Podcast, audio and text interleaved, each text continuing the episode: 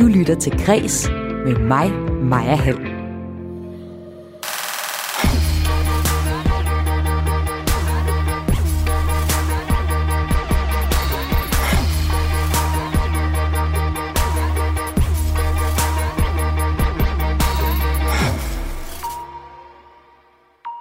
Britiske Ed Sheeran og danske Christoffer er nogle af de mest spillede kunstnere i dansk radio lige nu.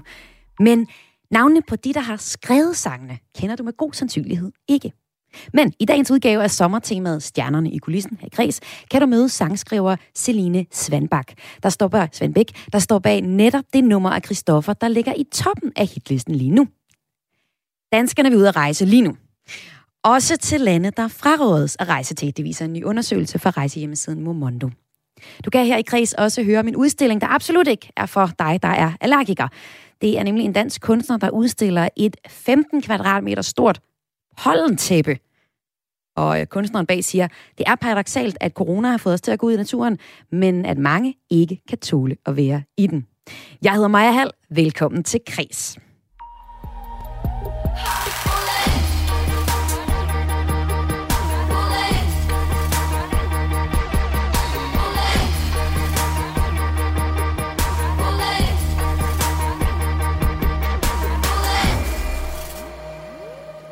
Fall So Hard er en sang, som Christoffer synger, og altså ligger i toppen af hitlisten lige nu. Og så kunne man jo nemt tænke, at det er ham, der har skrevet den. Det er det på en måde også, men det er en sandhed med modifikationer, for han har ikke skrevet den alene.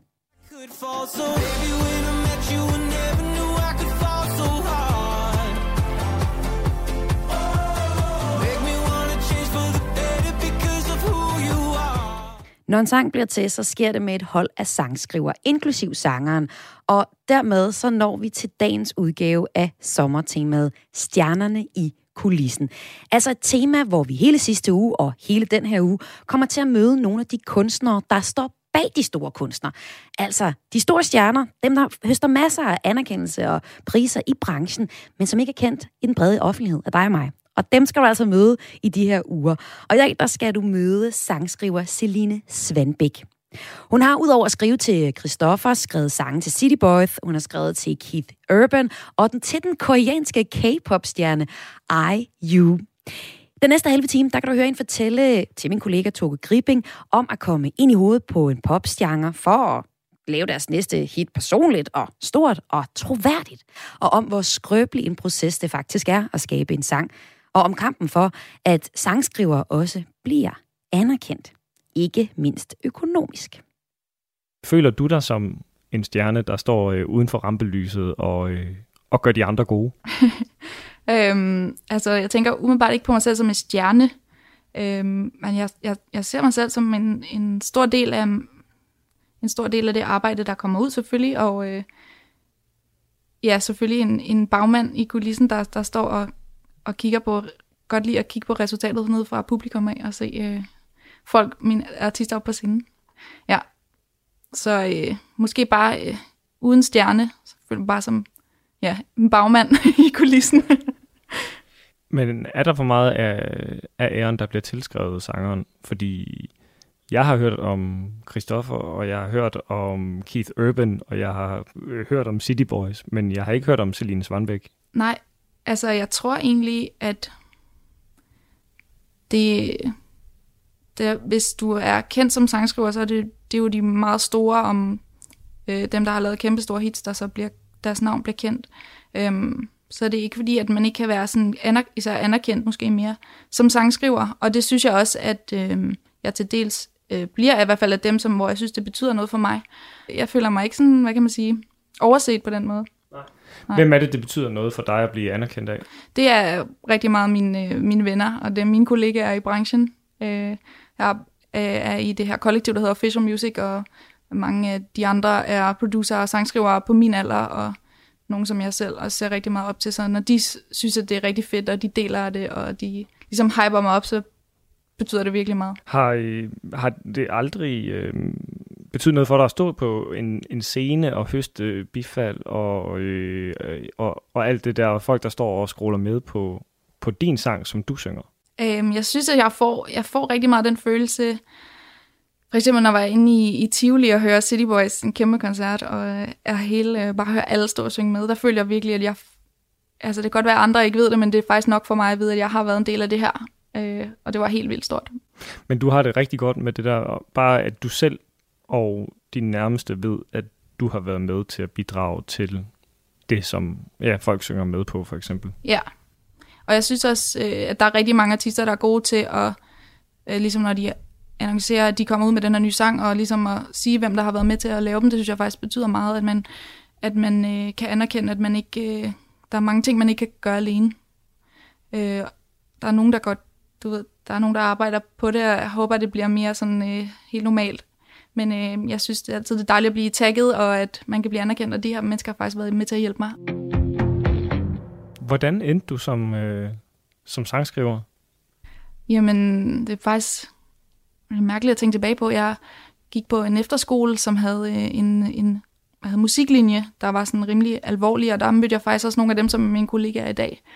Øhm, blandt andet Oliver Silvik, som jeg kendt siden der jeg startede, da jeg var 16. Og så øhm, min lærer, Mads Lundegård, var faktisk ham, der spurgte, om jeg ikke ville fortsætte med at, at arbejde videre, efter jeg havde gået der. Øh, fordi han ligesom så, at jeg havde et eller andet for sangskrivning. Og så begyndte jeg at komme i hans studie inde på Nørrebro, som stadig kommer i. Øhm, nogle gange om ugen, og det var sådan lært over, hvordan det var at være i studie, blive lidt mere studievandt. Og så da jeg stoppede i gymnasiet, så var jeg bare sangskriver. Sådan, eller det begyndte jeg på at være i hvert fald fuldtid, nærmest fra starten, så det var, det var egentlig ikke, jeg føler nærmest, at jeg sådan gled lidt ind i det, jeg havde egentlig ikke været sådan, det er det, jeg skal med mit liv, for jeg vidste faktisk heller ikke, at man kunne være sangskriver. Øhm, så det er stadig noget, hvor jeg fanger mig selv i at være sådan, hvordan endte jeg egentlig her? Men øh, jeg er så glad for det. En ting er, at man godt kan lide at, at spille musik, men at man også gerne vil ja, udtrykke et eller andet form for ord. At det er ikke kun musikken, det er også teksten eller lyrikken, der, der har spillet en eller anden rolle i, i dit liv. Hvorfor? Altså, er det fordi, du kan udtrykke dig på en anden måde i sang, end du kan, når du bare sidder her og taler med mig, for eksempel?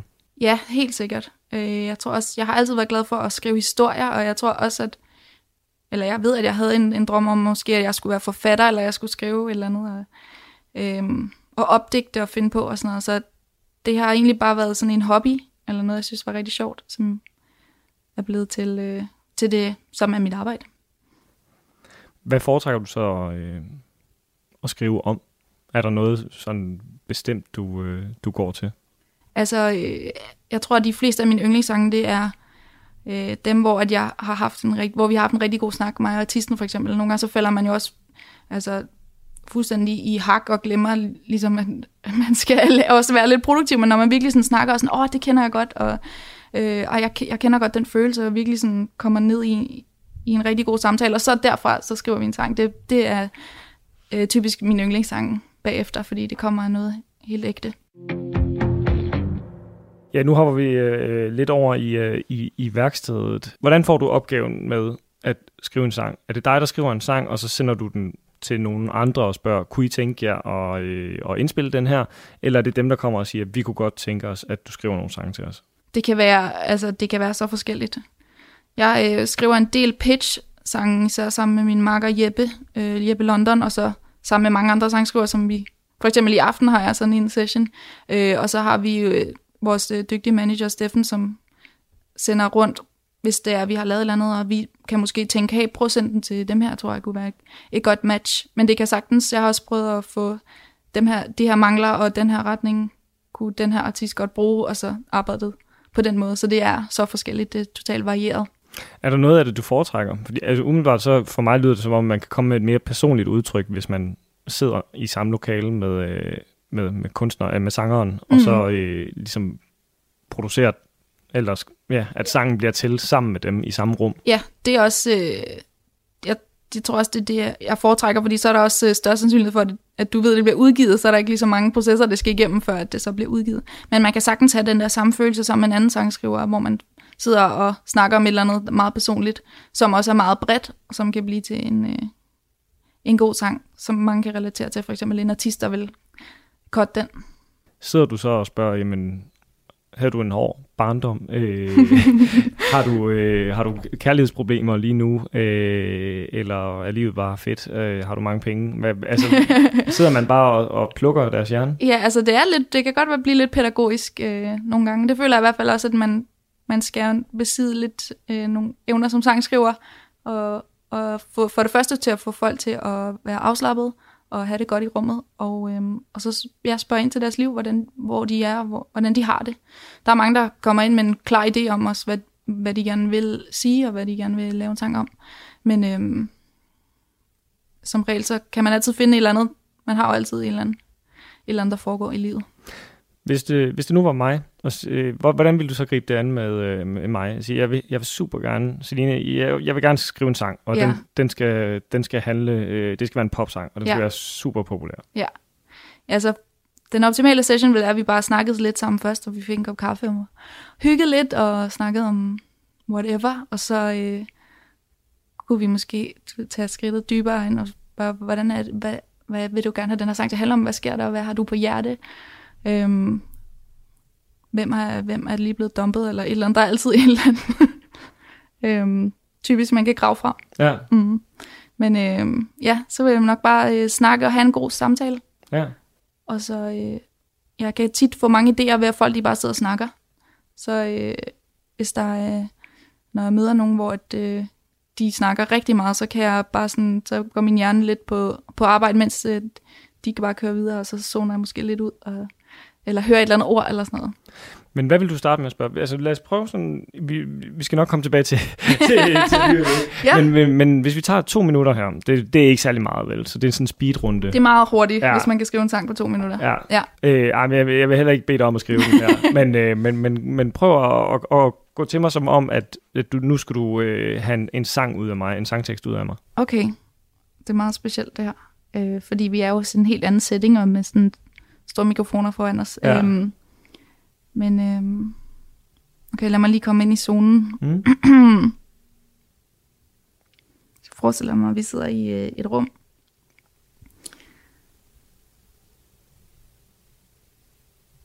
Jeg blev helt... Øh, jeg var ikke lige klar på den der.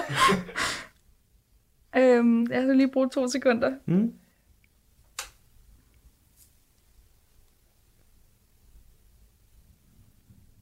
Jeg plejer altid at, at have tid til at forberede mig mentalt inden en uh, session. Så. Er, det, er det udmattende?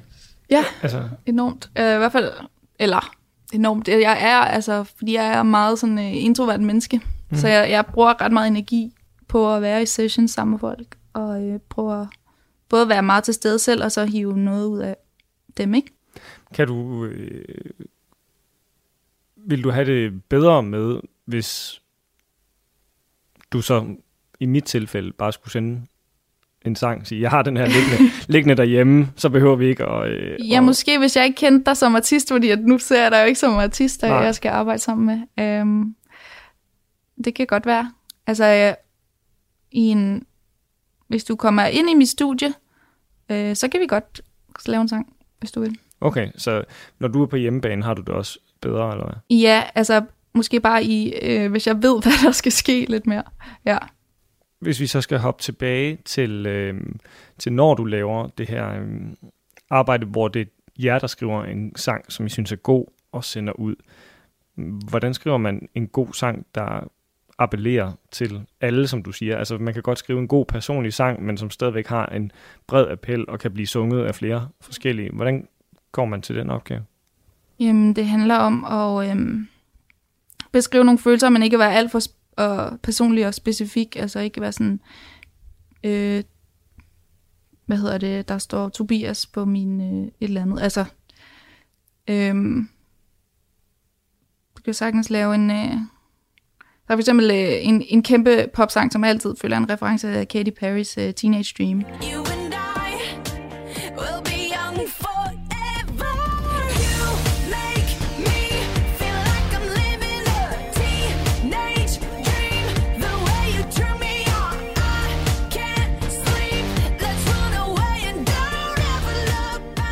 som er en eller anden øh, breakup-sang, og øh, der er stadig nogle detaljer, sådan noget med, at vi øh, sad øh, og drak vores forældres øh, alkohol og snakkede om fremtiden, som om vi vidste, hvad den, skulle, hvad der, hvad den indeholdte, og øh, fik matching tattoos og sådan nogle ting. Og det er ligesom, du kan sagtens se billederne for dig, men du kan også sætte øh, hvem som helst ind i, i historien. Det tror jeg er, øh, er key, ja. Tror du, folk har en rigtig opfattelse af, hvordan sangen egentlig bliver til? Altså, tror du, at der er mange, der går rundt og, øh, og ved, at når kunstnere sætter sig i studiet, så gør de det sammen med et hold af, øh, af sangskrivere? Altså, i og med, at jeg ikke vidste det selv, så tror jeg helt klart ikke, at folk de ved det. Og der er også mange af mine venner, hvor at de har, har mange spørgsmål, og sådan, laver, hvad, har han ikke skrevet det hele selv, eller har han den og den ikke øh, gjort dit og dat? Så det er meget sjovt at lære det og fortælle videre, og dele hemmelighederne ud. Jeg bliver lige nødt til at høre, fordi øh, nu listede jeg en masse øh, kunstnere, du havde skrevet, skrevet for, da, øh, da vi startede. Mm. En af dem, jeg øh, har gemt til nu her, det er den koreanske sangerinde IU, Ja. som har lavet en sang, der hedder Celebrity. You're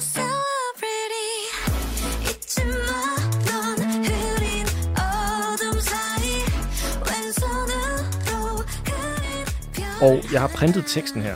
Øhm, og det er simpelthen umuligt for mig at tyde nærmest noget af det. Altså, fordi der er en masse, der er en masse tegn her Ja, på, øh, ja, hvad jeg antager er koreansk. Ja. Øhm, og så kommer der lige, kommer der lige et engelsk ord en gang imellem. Øh, outsider, mm. playlist, uh, minor, the one and only, mm-hmm. you are Mhm. my celebrity. Har du skrevet det hele? Jeg vil sige, at der er øh, meget lidt tilbage af den tekst, som vi skrev øh, dengang. Den hed Reality, og det er det, der, den lidt flavor, de har taget som altså celebrity.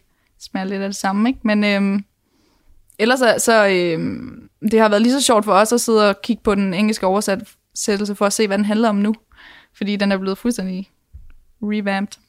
Den handler slet ikke om det samme længere. Nej, overhovedet ikke. Men er det bare et vilkår, eller hvad?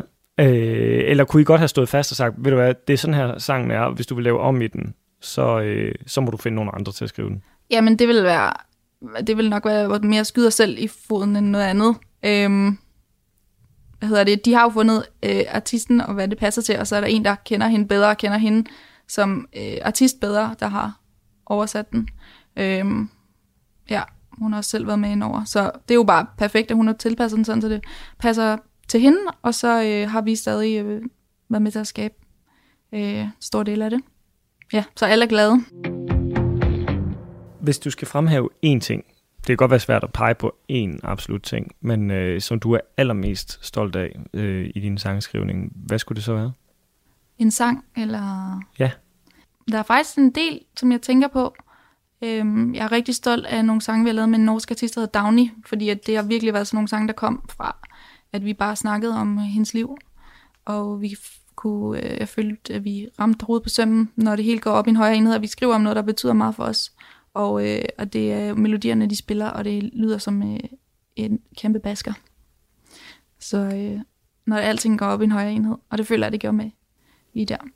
Var der noget, der var altså, særligt i processen der også, som gjorde, at det bare, altså, det, at det var meget nemmere, eller er det, er det hovedsageligt produktet, du mærker det på? Altså sådan slut, når du hører sangen, så kan du høre, det her det var det bedste. Mm. Eller er det lige så meget også måden, I arbejdede på? Jo, helt sikkert. Når jeg, når jeg hører den, så tænker jeg også på, hvordan vi havde det i rummet, og vi havde det virkelig sjovt, og vi havde det, det var bare sådan et øh, godt rum at være i. Øhm, det er også sådan en som hende, der, der, der ligesom, jeg lærer meget af, jeg føler, jeg lærer noget af alle sessions, jeg er i, men hvordan man skaber et behageligt atmosfære. Både, det er jo vigtigt som både sangskriver og som artist også, at det, øh, og det var bare, øh, det, det, var bare, det var bare let. Ja. Hvordan arbejder man godt sammen med, øh, med dig? Altså skal man give dig plads, eller, altså fordi jeg følte lidt, at jeg måske kom bullerne lidt for meget her før, da jeg kommer med en forespørgsel, som jeg kommer i tanke om under interviewet. Ja, ikke? ja, ja. At så, så trækker du lidt, så trækker du, øh, så trækker du dig lidt. ja. Hvor skal man give dig mere plads, Øhm, når man arbejder med dig? Jeg tror lige i det her tilfælde, så var jeg bare slet ikke klar på den, så øh, blev jeg hyldet lidt ud af den. Øhm, men øh, jeg tror egentlig mere, at jeg prøver at tilpasse mig for, hvad andre de har brug for. Øh, normalt. Nogle gange så det, tager jeg meget øh, over, eller, eller tager meget sådan kontrol af nogen, der måske er lidt nyere og har brug for lidt mere guidance. og, og andre, de snakker helt vildt meget, så kan jeg også godt lide at bare være den og prøve at samle op på nogle af de der ting. Øhm, så det er egentlig meget forskelligt. Jeg tror, jeg, jeg prøver tit at mærke efter, hvad, hvad der er brug for. Hvad, hvordan gør jeg det bedst her? Ja, så det er ikke så meget. Jeg tænker ikke så meget over, hvad andre de skal gøre, for at jeg har det øh, godt. Men det er selvfølgelig også vigtigt. Altså, der er også, øh, jeg synes, man mærker hurtigt, når man kommer ind i et rum, også hvis, hvis øh, man kommer ind med en attitude som artist, så er det tit rigtig svært som sangskriver. Og så, for der vil man jo også godt føle sig tryg, sådan, så man kan dele sine idéer. Det bliver jo tit meget intimt og meget personligt, hvis man øh, jamen, kommer ind og tit skriver om et eller andet meget personligt i sit liv. Sidder du nogle gange og holder på en idé, altså fordi du tænker, at den er nok ikke helt god nok? Ja, jeg tror, jeg er rigtig god til også, fordi jeg er meget oppe i mit eget hoved. Øh, så er der mange ting, der, der sker meget, som jeg ikke øh, får sagt. Men øh, det er også et spørgsmål om at mærke ligesom rummet, og kan man slappe af og være komfortabel. Nogle gange skal man også bare... Øh, altså, det er jo mit arbejde, så jeg skal jo bare sige tingene højt. Og også hvis der er noget, jeg er uenig i. Når du siger det der med, at du er meget oppe i dit hoved, mm. hvad, hvad mener du så, at, at du... Altså, at du har en masse tankemøller, eller, eller hvad? Jeg tror, at min egen sangskrivningsproces, når jeg er alene, også er meget sådan øh, introvert. Øh, hvor at øh, det, det har jeg også skulle lære, at øh, ikke at, at være, have så introvert en proces, når jeg arbejder sammen med andre. Øh, sådan så vi er ligesom sammen om det. Øh, meget, øh, det har faktisk hjulpet en del af over, hvad hedder det, over lockdown har jeg haft en masse Zoom sessions, og der har man lidt sådan, eller ofte sådan en Google Doc, som man deler, hvor man ligesom skriver ned, og så ser man lige, åh, jeg så lige, hvad du skrev der, og sådan.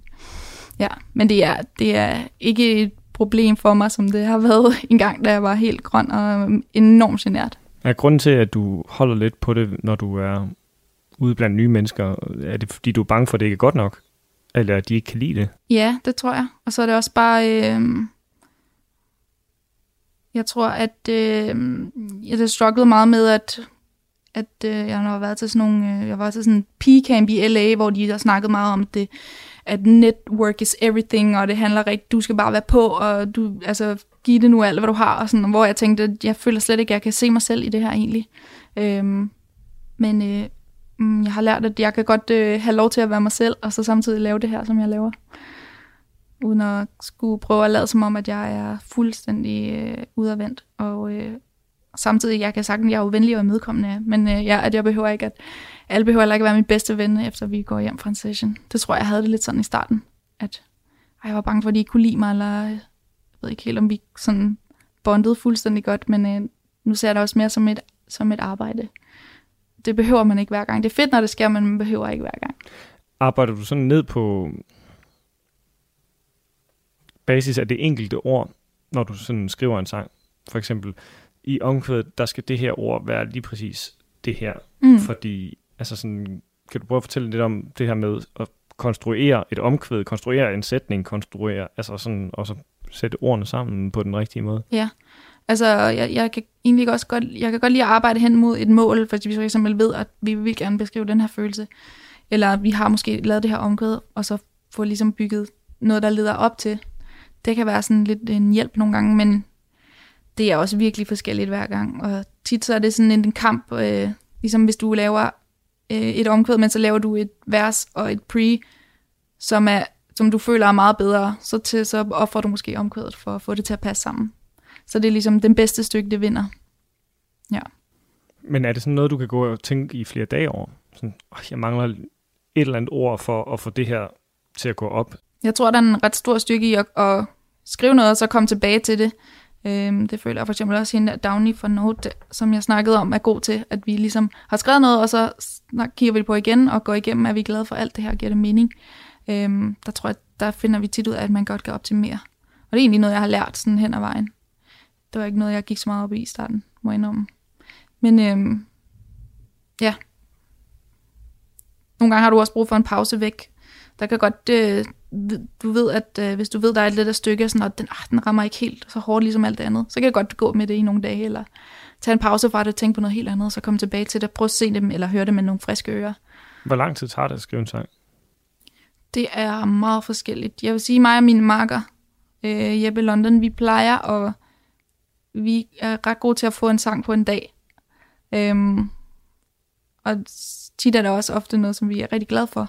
Men øh, det kan også være, øh, jeg er gang med en sang lige nu, hvor jeg tror, vi skal have tredje session i hvert fald øh, i næste uge, for at få, prøve at se, om vi kan løse den igen. Den, den har bare drillet os, og sådan er det bare nogle gange. Nu er vi så kommet til den del, der hedder stjernemødet. Ja. Og hvis du skal pege på et møde, der har haft stor betydning for dig, enten personligt eller karrieremæssigt, øh, med en af stjernerne, det kan også være en, det kan både være en sangstjerne, det kan også være en sangskriverstjerne. Hvad vil du så vælge? Altså, øhm, jeg har jo mødt min, min, min sangskriver held, eller øh, heldinde, Julia Michaels, meget, meget kort. Øh, så sådan et, hej mød Celine, inden hun skulle spille i, i København. Øhm, hvor det var meget skørt, fordi at vi kunne ikke rigtig nå at snakke sammen, men det var nok øh, altså en af dem, jeg ser allermest op til inden for sangskrivning. Så det er hende, øh, hun popper i hvert fald øh, først frem i mit hoved. Hvordan var det? Var det virkelig bare hej og farvel? Eller? Ja, så fik vi taget et billede sammen, ikke? Det var sådan... Ja, jeg var med Universal, og det var sådan en mød Celine, som ligesom er sangskriver her på hos os, og øh, ja, det var så mærkeligt. Det var også sådan øh, bittersweet, må man sige. Ja. Fordi at øh, jeg føler bare, at jeg har lyst til at drikke en kop kaffe med hende i mange timer. Men det var bare sådan en hej, farvel, og hun kan jo, hun ved jo ikke, hvem jeg er. Har, har du lyst til at, at have sådan en session med hende også? Ja, meget gerne. Jeg tror også, jeg vil gå fuldstændig ned med klappen. Øh, men øh, jeg vil også altså, elske det. Det vil være det ultimative. Vi har talt nogle gange om det her med, at sangskrivningen, jamen at den bliver sådan set anerkendt nok internt i, øh, i branchen, men, men er der en, altså, en opfattelse af hos dig, at bliver sangskrivningen også værdsat, altså med de penge, den egentlig fortjener i dine øjne? Det gør den ikke. Det er helt sikkert. Og det er også noget, der er meget op, op og vende lige nu. Og der er nogle movements, der er pay songwriters, for eksempel, øhm, og en, der hedder Russell Golan, som har snakket for en amerikansk sangskriver, som har, som har kæmpet den sag i mange år. Øhm, og øh, det er virkelig øh, vigtigt, at der bliver belyst, fordi det er, den, det er den del af, hvad kan man sige, den del af processen, som der bliver sådan, hvad kan man sige, rent økonomisk bliver underset, eller sådan under, altså ikke øh, anerkendt. Ja. Der er jo, øh, hvad hedder det, også med royalties, en snak der om, at der er jo ikke nogen procenter til sangskrivere, har ikke været. Øh, hvor at, øh, jeg håber, at det er noget, som, som i min øh, livstid, livstid bliver lavet om. Fordi at øh, de er, lægger lige så meget arbejde i det. Synes du selv, du bliver underbetalt lige nu for de opgaver, du laver? Øhm, jeg vil sige, altså i og med, at jeg jo bare er en sangskriver, som er inde i det her system, som der står lige nu, så ja, det gør jeg jo. Øhm, og min, øh, ligesom min, det synes jeg også fra mine kollegaer, øh, som jeg kender, som laver det samme. Øhm, men jeg, jeg er, øh, i, i Official Music er de virkelig gode til at, øh, at kæmpe for det. Jeg har også lige været det første til at sige, at vi vil ud og vi vil betale royalty til sangskrivere. Øh, så jeg føler egentlig, at jeg står med et hold øh, i ryggen, som, som hjælper og gerne vil gøre en forskel for det her. Hvordan kan det være, at du siger ja til opgaverne, på trods af, at, at du synes, at lønnen eller de royalties, der følger med, at de halter? Det er fordi, det er, det, det er den levevej, jeg har valgt, og det er det, som jeg føler, at jeg øh, er bedst til. Og det er der, jeg føler, at jeg laver det, som jeg burde lave. Øhm, det giver rigtig meget mening for mit liv. Øhm, ja, så der er ikke noget, der er jo ikke, jeg vil ikke, øh, altså jeg ønsker ikke at lave noget andet, så jeg ønsker ikke at lave noget andet for at tjene flere penge, fordi at det giver så meget mening for mig. Øh, jeg vil ønske bare, at tingene de kan gå hånd i hånd. Ja. Gør du selv noget sådan aktivistisk for at sige, eller for at gøre opmærksom på, at, at sangskrivere egentlig øh, altså lige nu kæmper for at, øh, at få en større øh, økonomisk del af, af kagen i musikbranchen? Ja, altså jeg skriver, øh, der er mange sådan nogle petitions og sådan noget, som jeg har skrevet under på, og øh, der er også mange sådan Instagram-kontorer, der begynder at, at belyse det her, og har lavet sådan nogle gode øh, slides for meget at skære det ned for folk, og sådan, det her det er, hvad der sker, og det her det er, hvad, hvordan kagen den bliver fordelt, og øh, Øh, det er lidt nemmere at kunne for eksempel dele det, så ens venner, som overhovedet ikke ved noget om musikbranchen, de kan se sådan, "Nå, okay, det kan jeg godt se. Det giver god mening. Men er det ikke også meget sådan en øh, kultur- og, og branche-ting og musikbranche-ting, at det, det er nemt at dele en post på Mhm. Instagram eller et eller andet, men, men, men det er jo ikke den post måske nødvendigvis, der får folk til at, at ændre... Det kan godt være, der bliver ændret opfattelsen, men det, men det er måske ikke den post, der, der giver de ekstra penge i øh, kassen. At der skal man gå den politiske vej. Mm. Øh, eller hvad? hvad altså, hvordan jeg, ser du... øh, Jeg tror, al, al omtale er med til at, at gøre en forskel, også at det bliver ved med at florere rundt, og det bliver ved med at komme op i folks ansigter, så det kan ikke, det kan ikke ignoreres. Det tror jeg øh, ikke... Øh, det tror jeg, der stadig der er noget styrke i. Og så er der også de her øh, ja, underskriftindsamlinger også om official music, og øh, være i dialog med sådan som DBA eller og Koda, og øh, Ja, og når du nævner de her official music, hvad de laver? det er øh, publishing og management. Ja. Ja. Og DPA er en forening for danske sangskrivere. Ja. Og Koda er brancheforeningen for danske musikere, mm. groft sagt, ikke? Mm. Men, men synes du, du gør nok? Så, altså, synes du, at det her med at skrive under og, øh, og dele, at det er, øh, at det er aktivisme nok? Nej, det, det er det nok ikke. Altså, jeg, jeg tror altid, man kan gøre mere, men jeg tror, jeg, jeg gør, hvad, hvad min... Øh, jeg gør, hvad jeg kan, uden at jeg mister besindelsen, hvis du siger det sådan. Fordi at for det første er jeg ikke øh, en særlig øh, social medie-aktiv øh, person. Og så... Øh, altså, det er jo stort nok for mig sådan at komme ind og snakke om det i et radiointerview. Så jeg tror, jeg tager de små skridt, som hvad jeg sådan selv kan, kan holde til. Og så, øhm, så føler jeg, da, at jeg er, er et en læringsproces og ved at lære både om branchen, det er jo hele tiden.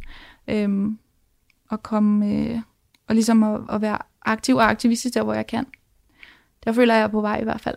Men kan, kan du leve af sangskrivning nu? Det kan jeg godt. Hvor længe har du kunnet det? Øhm, jeg har levet af det i... Jeg har levet af det i lang tid, også fordi at i starten der var jeg bare god til at leve for ingenting. Øhm, men jeg har levet af det de sidste tre år i hvert fald fortalte her Celine Svanbæk, der altså er sangskriver for blandt andet sådan som Christoffer, City Boys, og også har bidraget til X-Factor-vinderen Alma Akkers debut-EP. Så du tænkt lidt over det? Altså, den du hører i radioen er ikke altid øh, dem, der faktisk har skrevet sangene. Du lytter til Græs med mig, Maja Helm. Og her den sidste del af programmet, der skal du kigge øh, sammen med mig lidt på de nyheder fra kulturen, som jeg synes er særlig interessant. Danskerne vil ud og rejse nu, også til lande, som de frarådes at rejse til. For eksempel sådan et land som øh, Tjekkiet, som vi hører lidt øh, musik fra her. Det er en undersøgelse af danskernes ændrede rejsevaner, der er blevet foretaget af Gringer Koms på vegne af rejsehjemmesiden Momondo i perioden fra 28. juni til den 2. juli i år. Og øh, undersøgelsen viser, at i gennemsnit har danskerne måttet aflyse eller ændre en planlagt rejse siden første lockdown. Men imens danskerne har måttet aflyse eller ændre deres rejser, så har drømmene ikke stået stille. Momondos undersøgelse viser, at 19 procent af danskerne ikke længere vil vente med at rejse ud. Nu er de altså afsted. Og øh, hvor vi vil hen på top 5 over danskernes drømmerejse, der er helt klart Italien. Det er bare en vinder. Og jeg kan se på Instagram, at der er mange af mine venner, og dem man ellers følger på Instagram, der er taget taget til Italien. Grækenland er et andet sted, vi rigtig gerne vil til. Så er der Frankrig. Og så er der også Thailand og Tjekkiet. Men øh, de her lande, hverken Thailand eller Tyrkiet, er lige nu på Udenrigsministeriets Udenrigsministeriets liste over steder, vi bør tage til. Altså, de er faktisk på listen over steder, de fraråder at rejse til, hvis ikke man har en bidende nødvendig rejse at foretage dertil. Så er der en anden historie, den handler om øh, de olympiske lege, der foregår lige nu. Og øh, der, der ser vi både knælende fodboldspillere, vi ser regnbuefarver, og vi ser homoseksuelle atleter, der helt tydeligt fortæller om deres homoseksualitet. Og det gør de egentlig på trods af, at politiske budskaber under lejene for det meste er forbudt. Det fortæller senioranalytiker Idrættens Analyseinstitut Stanis Elsborg det er lidt forskelligt, om atleterne må eller ikke må knæle, og hvor de må og ikke må. Men altså fodboldspillerne har fået lov til at knæle, som vi har set det i international fodbold det seneste års tid. Altså lige før øh, kampstart. Men for eksempel svømmerne, de må ikke gøre det lige inden de hopper i, øh, i øh, svømmebadet. Og hvad der ligesom afgør, at de ene må, og de andre ikke må, det er noget med, at fodboldspillerne lidt mindre er i gang med kampen, end at svømmerne, fordi de er ligesom til et stævne. Og så bliver det altså for politisk. Det skal holde sådan i kanten af kampen. Det er derfor, fodboldspillerne får lov til at knæle i sympati for Black Lives Matter-bevægelsen. Men altså i det hele taget, så kunne den internationale olympiske komité i IOC egentlig godt tænke sig, at der slet ikke var noget politik indblandet. Og historisk, så har de også håndhævet deres regel om nul politik på banerne. Og det øh, øh, siger de sådan set hver evig eneste gang, der skal være et OL, at det er meget, meget vigtigt at bevare de olympiske lejes politiske neutralitet. Og derfor så har man jo i rigtig, rigtig mange år forsøgt at øh, indskrænke det og minimere, at atleter de skulle tage scenen. Alligevel så er der ved at ske noget nu, og det her OL, der kan der nok komme til at ske endnu mere. Det forventer i hvert fald senioranalytikere ved Idrættens Analyseinstitut, Stanis Elborg, Elsborg, som vi hørte her. Og der er allerede eksempler fra øh, OL i år på, at man har trodset reglen om nul politik. En tysk hockeyspiller har fået lov til at have regnbuefarver på. Et par øh, fodboldhold har knælet, som vi hørte. Og øh, de blev først tolereret, men så blev en øh, social medieansvarlig beordret til ikke at skulle vise billederne af knælingen, men den er nu trukket tilbage, så lidt får man jo altså lov til. Og i forlængelse af øh, politik- og sportshistorien her, så har jeg en anden nyhed, nyhed, der rimer lidt på det. Fordi de to ting, de vil ligesom ikke øh, være adskilt. Det, her, det handler om den amerikanske popstjerne Pink, der støtter, at det norske kvindelandshold i strandhåndbold har fået en bøde for at spille for meget tøj, det skriver Gaffa. Og det er altså ikke det her med, at altså, det er ikke bøden, hun støtter. Hun øh, støtter, at de har valgt at spille i for meget tøj. Det er nemlig sådan, i stedet for bikinitrusser, så har øh, det her strandhåndboldhold taget shorts på til den nylige EM i Bulgarien, som en protest mod de kønsspecifikke påklædningskrav i sporten, der altså går på, at man skal have nogle meget, meget små trusser på. Og efterfølgende, så har de så fået en bøde på 11.000 kroner af det europæiske håndboldforbund, bund EHF. Det synes Pink nederen, og hun tilbyder nu at betale bøden, og det skriver hun på Twitter. Hun skriver, jeg er meget, og det med versaler, stolt af de norske strandholdboldskvinder, og så skriver hun igen med stort, for at protestere mod de meget sexistiske regler om deres uniform, quote. Det europæiske håndboldforbund burde have en bøde for deres sexisme. Godt gået, damer.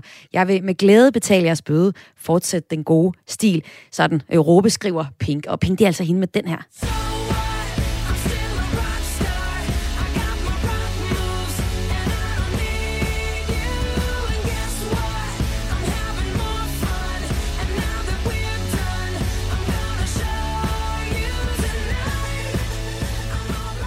Og baggrunden for den her historie er sådan, at ifølge det europæiske håndboldforbund, så er der altså Ja, så er der nogle regler, der siger, at kvinders underdel maks må være 10 cm i bredden i, side, bred, bred i siderne, ligesom at de skal optræde i bikinitop. Og mændene, de skal så spille i shorts og tanktop uden ærmer, øh, lidt mere påklædt. Håndboldforbundene i Danmark, Sverige, Frankrig og Norge vil nu have ændret reglerne, så det bliver frivilligt, om man vil spille i bikiniunderdel, eller sådan for eksempel tights, det skriver TV2. Hvis du er allergiker, så er den næste kulturoplevelse måske ikke rigtig noget for dig. For det er sådan, at på museet Det Nordatlantiske Fyr i Hanstholm i Nordjylland, er der lige nu udstillet et par kilo pollen, fordelt over et 15 kvadratmeter løst tæppe. Kunstneren bag pollentæppet, det er Camilla Berner, og velkommen til dig, Camilla. Tak skal du have. Tak. Altså ifølge? Astma Ja. og Allergi Danmark, så lider flere end en million danskere af pollenallergi. Jeg bliver nødt til at spørge dig, Camilla, allerførst. Har I overhovedet haft nogen besøgende, når hver femte dansker jo sådan set ikke kan tåle at, at se på det her tæppe, du har lavet? Øhm, ja, men det, det har vi faktisk. Jeg synes faktisk, vi har haft et rigtig fint besøg, og øh, jeg har også haft lejlighed til at møde nogle af de besøgende, som faktisk viser at være allergikere. Og De, altså, de var nervøse, inden de gik ind, men de oplevede ikke noget, fordi øh, jeg tror, at der, det skal ligesom vivle rundt i luften. Det ligger jo helt stille derinde i, i huset. Men, Øh, men det er jo gjort- faktisk løst pollen, som du har fået til at ligge helt stille på det her 15 kvadratmeter Ja, gulvtæppe. ja. Og dit pollentæppe er så en del af udstillingen Knowing Nature. Camilla, Ja. hvorfor har du valgt at udstille to kilo pollen lige præcis? Jamen, det er egentlig, egentlig kom det så ikke af, at jeg ville lave et værk om øh, allergi eller noget som helst. Det kom så af, at jeg blev gjort opmærksom på, at pollen kan op- overleve øh, op til 10.000 år, øh, og hvis ikke mere, i jorden, og så kan man stadig øh, fastsætte, hvad det er for en art, øh, der er tale om. Så på den måde, den måde at kunne kortlægge arternes sådan, øh, bevægelse og migration øh, verden over, synes jeg var enormt fascinerende. Og det, at man kan se 10.000 år bagud, så vil man også kunne se 10.000 år frem. Og det synes jeg jo i den her tid, som vi lever i, hvor vi hele tiden modererer naturen, er et spændende perspektiv. Og det dit arbejde går ud på, eller det du i hvert fald tit tager fat i, det er netop det her samspil mellem øh, viden og forskning, altså man ved noget om, om pollen, og så også øh, kunst. Men hvorfor har du valgt, at det lige præcis skulle være klitfyr pollen, som det er, der er udstillet lige nu? Ja, altså det, det er jo fordi, at den har en sjov historie lokalt øh, oppe ved Hanstholm, hvor, øh, som jo ligger lige øh, på kanten til Thy Nationalpark. Øhm, og det er jo vestkysten og hård vind og sådan noget, og er en, en ret barsk egen, hvor bønderne omkring århundredeskiftet havde, havde simpelthen havde overudnyttet arealerne for at kunne få bare lidt ud af deres afgrøder, så de havde fældet alt. Øh, og så oplevede man enorm sandflugt. Og for ligesom at kunne tæmme den der sandflugt, så introducerede man klitfyren, som oprindeligt kommer fra Kanada. Det, det introducerede man sådan der omkring århundredeskiftet, og nu her 100-120 år senere, så oplever man jo så, at den er blevet et kæmpe øh, øh, biologisk øh, problem. Altså den er blevet det, man kalder invasiv, øh, hvor den overtager store kulturer og breder sig ind over den natur, man gerne vil have. Hedelandskabet med lyng og hjelme og øh, og klitter og sand og sådan. Øhm, og derfor kalder jeg også min, min, mit værk, Hvem redder hvem, Ja. for ligesom at sige, at, at øhm, dengang reddede vi os selv fra naturen med ved at bruge naturen, og nu er vi så i en situation, hvor naturen øh, så måske slår tilbage, det ved jeg ikke, men i hvert fald øh, pludselig har vi et andet problem. Ja, og så hvor vi Ja. oven i det, ud, og udover at den her, øh, det her klitfyr, det er en invasiv art nu, så har den jo så også noget pollen, som mange danskere jo så også er øh, allergiske overfor. Hvis man altså er allergisk over præcis for den pollen, der er jo forskellige Ja. allergiformer. Jeg ved, du også er allergiker, men det er for en anden øh, allergiform. Altså Ja. det her tæppe, det fylder øh, 15 kvadratmeter, og ligger jo så, som jeg sagde, løst på gulvet i museet Det Nordatlantiske Fyr, som er et gammelt fyr. Hvordan er du Ja. lykkes sådan rent praktisk med at lave det her tæppe, kommer jeg til at tænke på? Ja, altså nu skal det siges, at det ligger faktisk i øh, et redningshus, der er blevet opsat Mm. på grunden. Mm. Og der i for os ligesom øh, at blive den der øh, tankerække omkring redninger, mm. det at redde sig fra noget og sådan noget. Så det ligger i det gamle redningshus, som er piv utæt. Ja. så derfor har jeg også bygget en vindtunnel og tætnet alle revner i huset. Og så har jeg mærket et område af, og så har jeg siddet der med sådan en lille si og slået på den, og så have det der sådan lige over gulvhøjde, for ellers så støvede det jo for langt ud over et for stort område. Så sådan meget stille, når møjsommeligt arbejde her ligger der forud for, at det nu ligger der som det der tæppe, gule tæppe. Helt sådan skriggule tæppe er det faktisk. Og, Øhm, og det tæppe, det kan man jo så se altså i det nordatlantiske fyr i øh, Nordjylland. Udstillingen er åben hver dag indtil den 22. august. Du udstiller sammen med et par andre under projektet Knowing Nature. Når øh, folk forhåbentlig tør øh, at komme ind for at se den her Ja. udstilling, hvad håber Ja. du så, Camilla Berner, at de tager med fra udstillingen, når de ser netop det her øh, neongrønne, eller hvad skal vi sige, stærkt grønne Ja. øh, pollentæppe? At det er gult. Nå, gul, ja, undskyld. Det, det er helt Ja, ja, gult, ja. ja. Ja. Øhm, ja, men altså for det første, så tror jeg, jeg har, øh, jeg har gjort noget... Øh, altså man vender det lidt på hovedet, når man tager noget, som vi lige nu har enormt travlt med at værne os imod, nem, nemlig pollen og pollenallergi. Og man så tager det og, og ligesom viser det som et utroligt smukt materiale. Allerede der sker der sådan lidt en hold da op oplevelse, ikke? Øhm, tror jeg. Men, men det er jo ikke, øh, altså, det der ligesom er i det for mig, det er jo også, at man, at man reflekterer lidt over den måde, vi går ind og hele tiden flytter rundt på naturen, og hvad det er for nogle spor, vi sætter ud i naturen. De spor, vi har sat, de spor, vi kommer til at sætte, de spor, vi sætter lige nu. Øh, og der øh, var det jo det, der var øh, som min indgangsvinkel med den hele den geologiske og kerneboringerne, hvor man aflæser pollen øh, igennem jordlagene og sådan noget. Så sådan en refleksion over vores påvirkning af naturen, det øh, førhen, nu og i fremtiden, det er sådan set det, der ligger til grund for værket. Camilla Ber- Berner, kunstneren bag det her pollentæppe i det nordatlantiske fyr. Tak fordi du var med her. Jeg kan høre, du er ude i naturen nu. Tilbage til Ja. den med dig, og tak fordi du var med. Selv tak. Tak, tak for det. Og det nordatlantiske fyr ligger i Hanstholm og har siden begyndelsen af 2019 haft det her kunstprogram Hanstholm Art Space, hvor øh, fokus er på rela- relationen mellem mennesker og natur.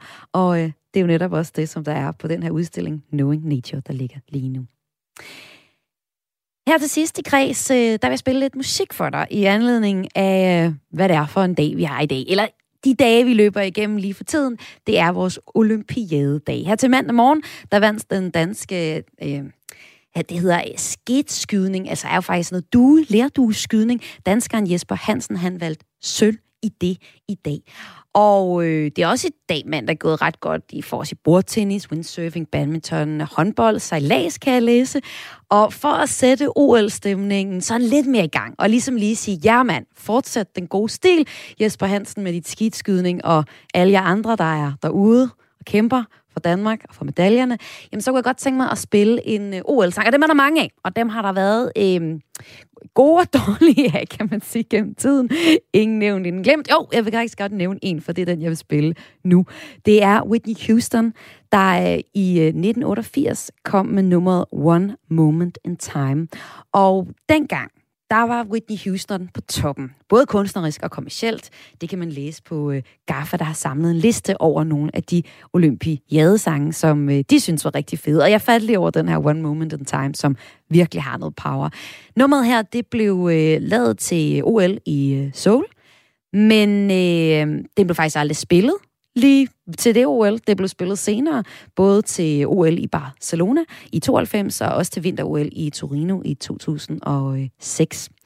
Det nummeret handler om, som du kan lægge mærke til, når du hører det lige om lidt, det er om sådan helt i OL's ånd, om at kæmpe hårdt og gøre sit ypperste, og så endelig sejre.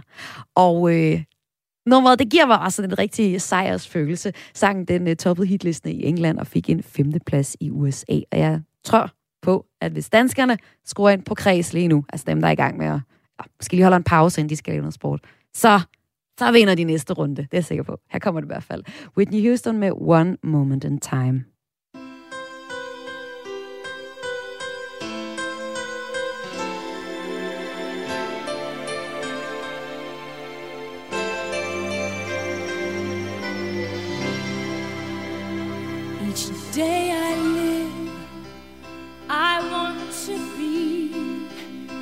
A day to give the best of me.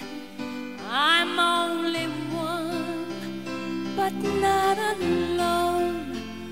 My finest day is yet unknown. I broke my heart for every gain to taste the sweet. I face the pain. I rise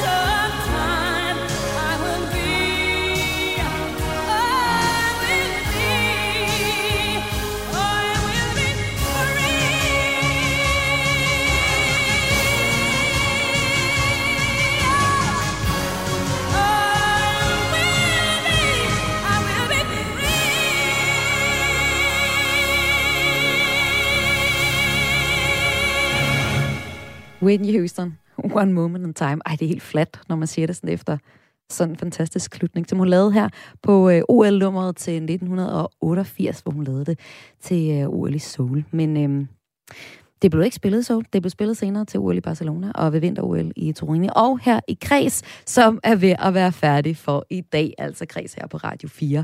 Og programmet kom i hus ved hjælp af Toke Gripping. Jeg hedder Maja Hall, og vi lyttes ved igen i morgen eller på podcasten. Det er sådan, at Radio 4 har en øh, helt udmærket podcast. Der er en, en lille app. Der kan du finde både Kreds og alle de andre dejlige programmer, vi har her på øh, radioen. I morgen, så er der meget mere kreds. Det er sådan, at vi sender hver eneste dag fra 14 til 15. Og vi fortsætter med vores øh, sommertema, der hedder Stjernerne i kulissen. I morgen, der skal du øh, høre fra en lyddesigner. En designer lyd på film. Du tænker nok ikke måske så meget over lyden anden, hvis den er rigtig dårlig. Men der er altså nogle rigtig dygtige mennesker tit bag det. Og øh, en af dem skal vi møde i morgen, det er Peter Albrechtsen, som er lyddesigner. Han er medlem af Oscar Akademiet, har været med til at lave film som Vores mand i Amerika, han har lavet Underverden, han har lavet, lavet filmen Mænd, der hedder Kvinder.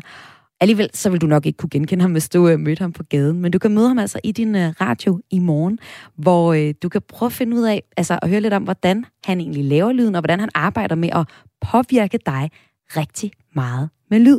Altså, det er ham, der manipulerer dig til at tro, at det er lyden af en flyver, du hører, når du ser et fly. Det er ikke sådan helt naturligt nødvendigvis et fly. I virkeligheden så har han redigeret et babyskrig til at lyde som luftfarts støj. Det glæder mig virkelig meget til at høre. Og han er altså øh, i morgen den, vi skal lære lidt bedre at kende i Stjernerne i kulissen.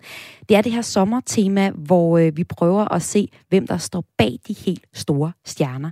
Altså, du kender som regel alle de øh, store navne på øh, kunstnere, der hører på øh, festivaler, eller dem, der laver de øh, fede film, du ser i, i biografen, eller de store forfattere, du læser. Men der er også nogle gange nogle oversættere bag de forfattere, når du læser udenlandslitteratur. Der er nogle sangskrivere, som en af dem, vi øh, mødte i øh, dagens udsendelse, hvor det var øh, Christi, øh, Celine Svanbæk, vi mødte, der blandt andet skriver Christoffers sange, i hvert fald Fall So Hard, Fall so Hard der ligger lige nu på øh, hitlisten. Og øh, den serie, den kører altså lige nu her i øh, Kres, Kreds, og i morgen så skal du med i et lydstudie i København, hvor du skal møde Peter Albrechtsen. Det her, det var altså alt for øh, Kreds i dag i din radio. Lige om lidt, så er der Firtoget her i øh, Radio 4. Og inden det, så skal du lige have et lækkert lille nyhedsoverblik. Det kan være, der er nogle øh, nye øh, sølv medaljer, vi kan høre om fra øh, OL. Eller så kan vi bare høre om, om det snart bliver tordenvejr. Det ser sådan ud her, hvor jeg sender. Ha' en dejlig eftermiddag.